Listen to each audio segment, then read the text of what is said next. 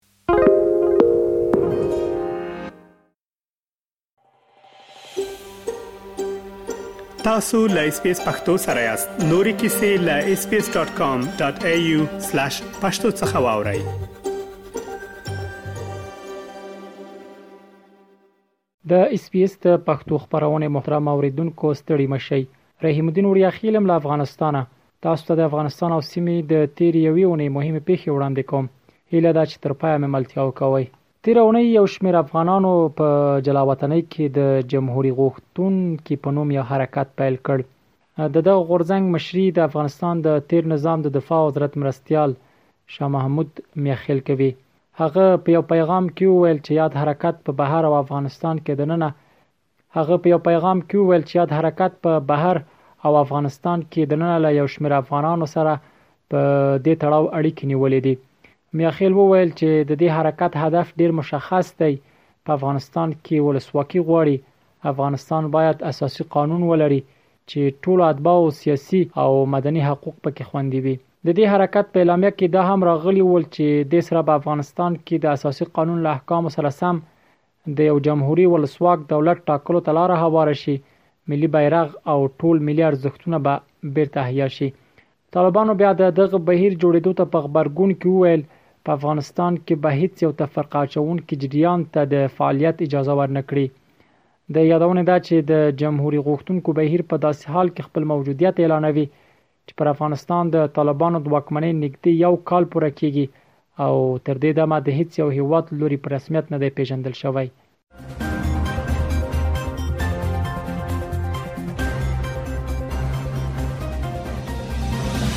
تیر اونۍ د دوشنبه په ورځ د پاکستان د دیني علماو یو اتکسیز پلاوی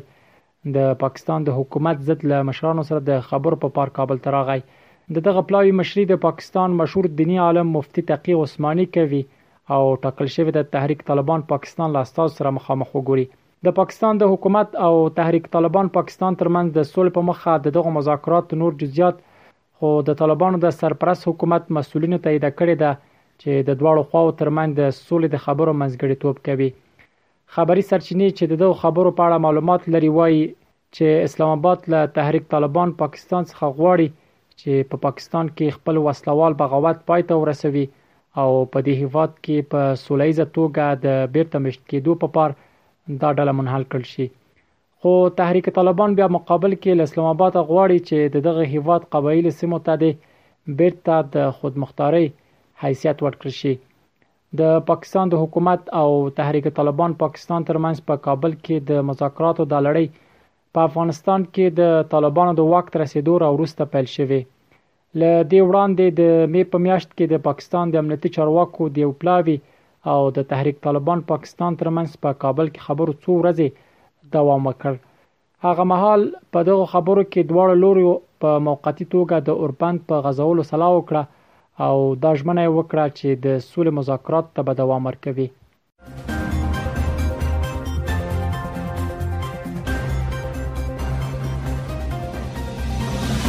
د بښنې نړیوال سازمان په یو نوي راپور کې چې د جولای په وشتمه یې خپور کړ او د طالبانو تر واکمنۍ لاندې د ښځو او نجونو وضعیت ته کتنه پکې شوې وه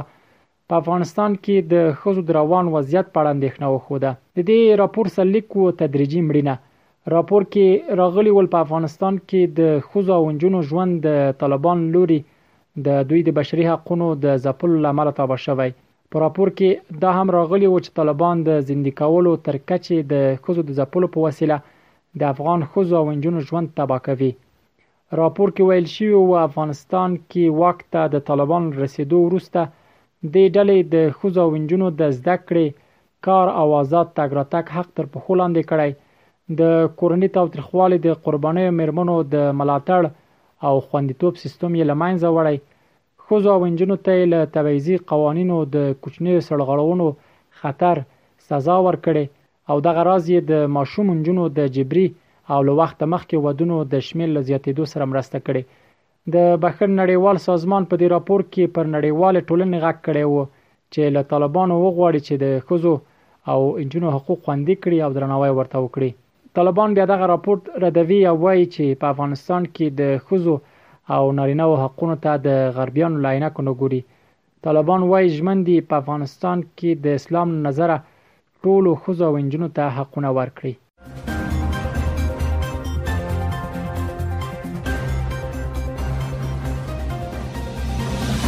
د ازبکستان په پلازمینه تاشکند کې د افغانستان په اړه دوه ورځنی نړیوال کانفرنس د تېرې اونۍ د چهارشنبې په ورځ د یوې اعلامیې په خپرولو سره پای ته ورسېده. په دې کانفرانس کې د امریکا، بریتانیا او اروپایي ټولنې په ګډون د نږدې شلو هېوادونو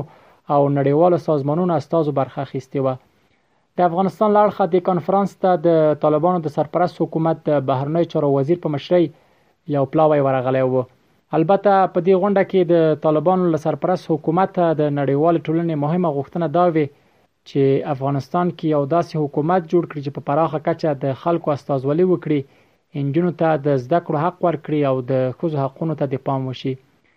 اخوا د طالبانو سرپرست حکومت بیا په خپل اعلامیه کې وویل چې په دغه کانفرنس کې دوی ته د نړیوالې ټولنې لخوا پر شویو وړاندیزونو باندې جدي غور کوي. د طالبانو په اعلامیه کې ویل شوي وو چې په کانفرنس کې د شاملو هیوادونو استازو د افغانستان ملي حاکمیت او خپلواکۍ ته په احترام ژمنه وکړه چې په افغانستان کې د سولې د ټینګښت، اقتصادي پرمختګ لپاره او همدارنګه د ترهګرۍ او په مخدره موادو پورې د تړلو جرمونو د مخنیوي د هلو ځلو سره به همکاري کوي. د افغانستان لپاره د اروپایي ټولنې استازي ټامس نیکلسن د تاشکند کانفرانس بیا د نړیوالې ټولنې لپاره یو فرصت وګاڼه چې له طالبانو څخه د خپلو غوښتنو په لاره کې خپل یووالی وښي. تاشتکند کانفرانس د ازبکستان ولسمشر په نوښت واک ته د طالبانو رسیدو نږدې یو کال وروسته لومړی نړیواله غونډه و چې د افغانستان په اړه جوړه شوه.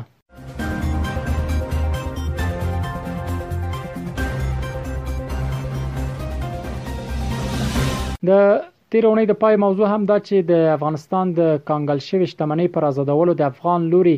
او امریکا ترمنځ پرمختګونه رامنځته شوي دي. رویټرز د خپلو باوري سرچینو په حواله تېره اونۍ لیکلي وو